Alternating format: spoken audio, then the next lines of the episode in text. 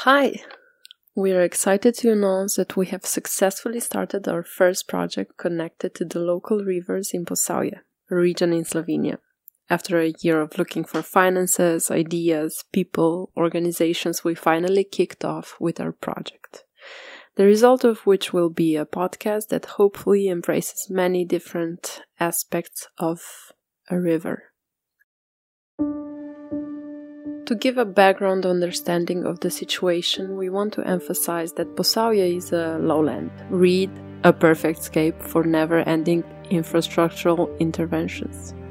That means zero floodplains, no wild rivers, and sadly, no deep connections of locals with the rivers. If you ask a local what is more familiar to them, a walk near a river or working in a manufacturing plant, they will surely start explaining to you the perks of a three shifts job in the industrial zone.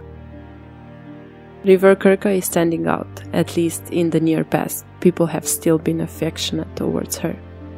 This, however, is not true for River Sava, which is therefore, at least that's how we assume, full of hydropower plants.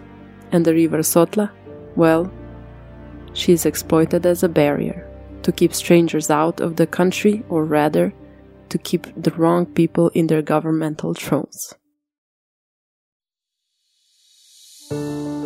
In the project Vglobine, in English that's in depth, we're addressing the relations that local people have had towards water bodies, especially main rivers Sava, Sotla, and Krka.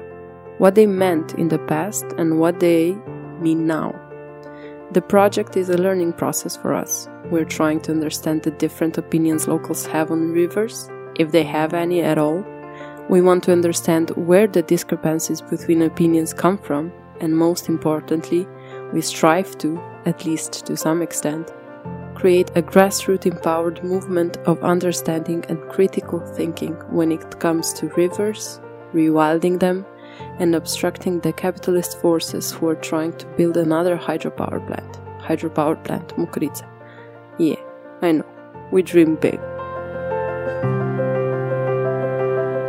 The important part next to the interviews will be our views, our sorrows, our feelings, and argumentations that we constantly have to develop as children of the future.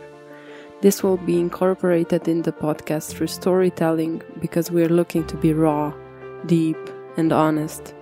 What we want out of this to provoke emotions in others, to feel what we feel, the wild river.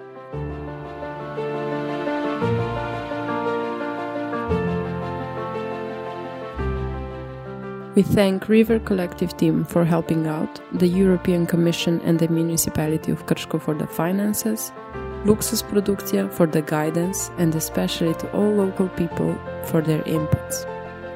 As of now, wish us luck and take a peek at what we are doing.